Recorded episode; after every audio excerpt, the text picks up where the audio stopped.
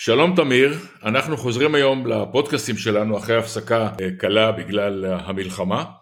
הנושא היום הוא מה שנקרא בעיתונות אה, כלכלת החימושים, או במילים יותר פשוטות המחסור בתחמושת, שבו צה"ל נתקל זמן קצר אחרי תחילת הלחימה. מה שקרה פה הוא דבר מעניין ומדאיג מאוד. כל מדינה מחזיקה אה, כמות של תחמושת לשעת חירום. גם בישראל כמובן יש אה, מצבור כזה, אבל בישראל גם הסתמכו על מצבור של האמריקאים שמוחזק אה, אי שם בישראל בבסיס צבאי, שבמקרה חירום ישראל יכולה להשתמש בחימושים האלה באישור אמריקאי כמובן. אבל מה שקרה פה, יש מלחמה באוקראינה, אנחנו קצת אה, שכחנו ממנה כי אנחנו עסוקים במלחמה שלנו, אבל המאגר הזה התרוקן כמעט כולו בגלל שאמריקה סיפקה את החימושים לאוקראינה. ואז ישראל פתאום החלה אה, להבין שמדלדל מלאי החימושים שלה מהדברים הכי פשוטים כפגזי 155 מילימטר, פצצות טיפשות ודברים אחרים. ואז החלה השיח על מה שנקרא כלכלת חימושים, איך לשמור אה, חימושים בעזה אם יתעורר הצורך להשתמש בהם גם בצפון מול החיזבאללה בקיצור, ישראל נמצאת אה, בבעיה גדולה, ובימים האחרונים יש אה, שיחות אינסופיות ומגעים בין משרד הביטחון לבין התעשיות הביטחוניות על איך להגביר בצורה דרמטית את הייצור המקומי של חימושים מסוימים ולא להסתמך רק על הסיוע האמריקאי והסטוקים שארצות הברית מחזיקה פה בישראל. זה ייקח זמן, לא פשוט להקים אה, פסי ייצור, צריך לעזור לחברות האלה גם במימון להקים פסי ייצור. שר הביטחון גלנט ביקר בימים האחרונים במפעל המערכות הקרקעיות של אלביט ברמת השרון כחלק מהסקירה של המצב הזה וכרגע מכינים תוכנית חירום, לא פחות מזה, תוכנית חירום, איך להיערך לכך שלישראל אה, יהיה אורך נשימה הרבה יותר ארוך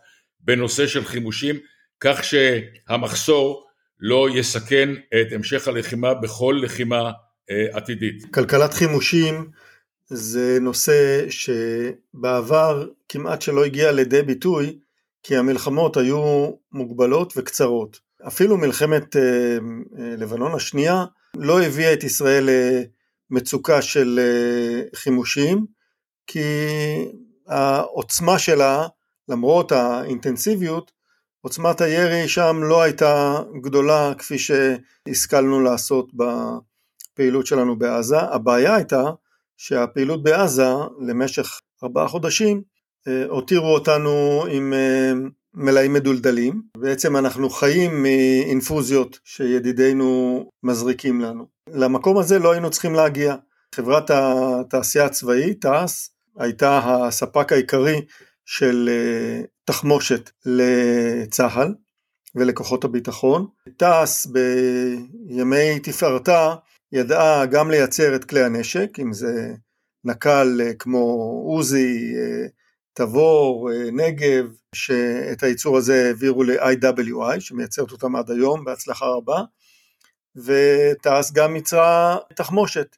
אז היא ייצרה תחמושת בקליבר זעיר, תחמושת נק"ל, כל התחמושות האלה תעש יודעת לייצר, יש לה מפעל שמייצא, גם מייצר לצה"ל וגם מייצא, ולכן בנקל אין כמעט אה, מחסור. תעש, אה, כפי שאמרנו בימיה הגדולים, היא יצרה גם אה, תחמושת ארטילרית, תחמושת טנקים, פגזי מרגמה, פצצות אוויר, כל מה שמתפוצץ. תעש ידעה לייצר, אלביט מערכות רכשה את התעשייה הצבאית שהופרטה לפני כמה שנים. במסגרת הרכש הזה קיבלה גם אחריות לאספקה השוטפת של תחמושת. האחריות הזאת היא אמנם קיימת, אבל משרד הביטחון לא תקצב אותה בהיקף הדרוש. כפי שאמרת, המחסנים האמריקאים שנצברו בארץ בעצם הרדימו אותנו, שמחנו יותר מדי על המחסנים האלה.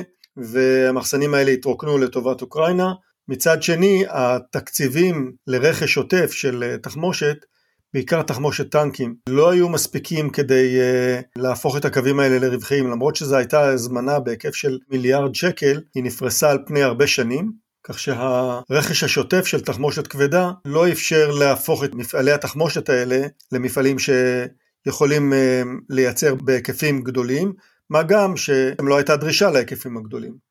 כך שהכלכלה הזאת מבוססת על כדאיות. עכשיו צריכים להחזיר את הקווים האלה לפעולה, חלקם נראה לי התיישנו, חלקם uh, תקינים. גם בתחום המרגמות uh, לאלביט יש uh, גם את התשתית שהייתה בסולטם. חלק מהידע הזה נמכר למדינות זרות. אלביט היום uh, מציעה ושיווקה מפעלים לייצור תחמושת, בעיקר תחמושת ארטילרית בכל רחבי העולם, והיה לזה ביקוש רב במזרח הרחוק וגם במדינות אחרות. כל מדינה רוצה שיהיה לה במחסנים מספיק אה, תחמושת, ודווקא אנו, שיש לנו את היכולות, נותרנו עם המחסן ריק או עם המכנסיים למטה.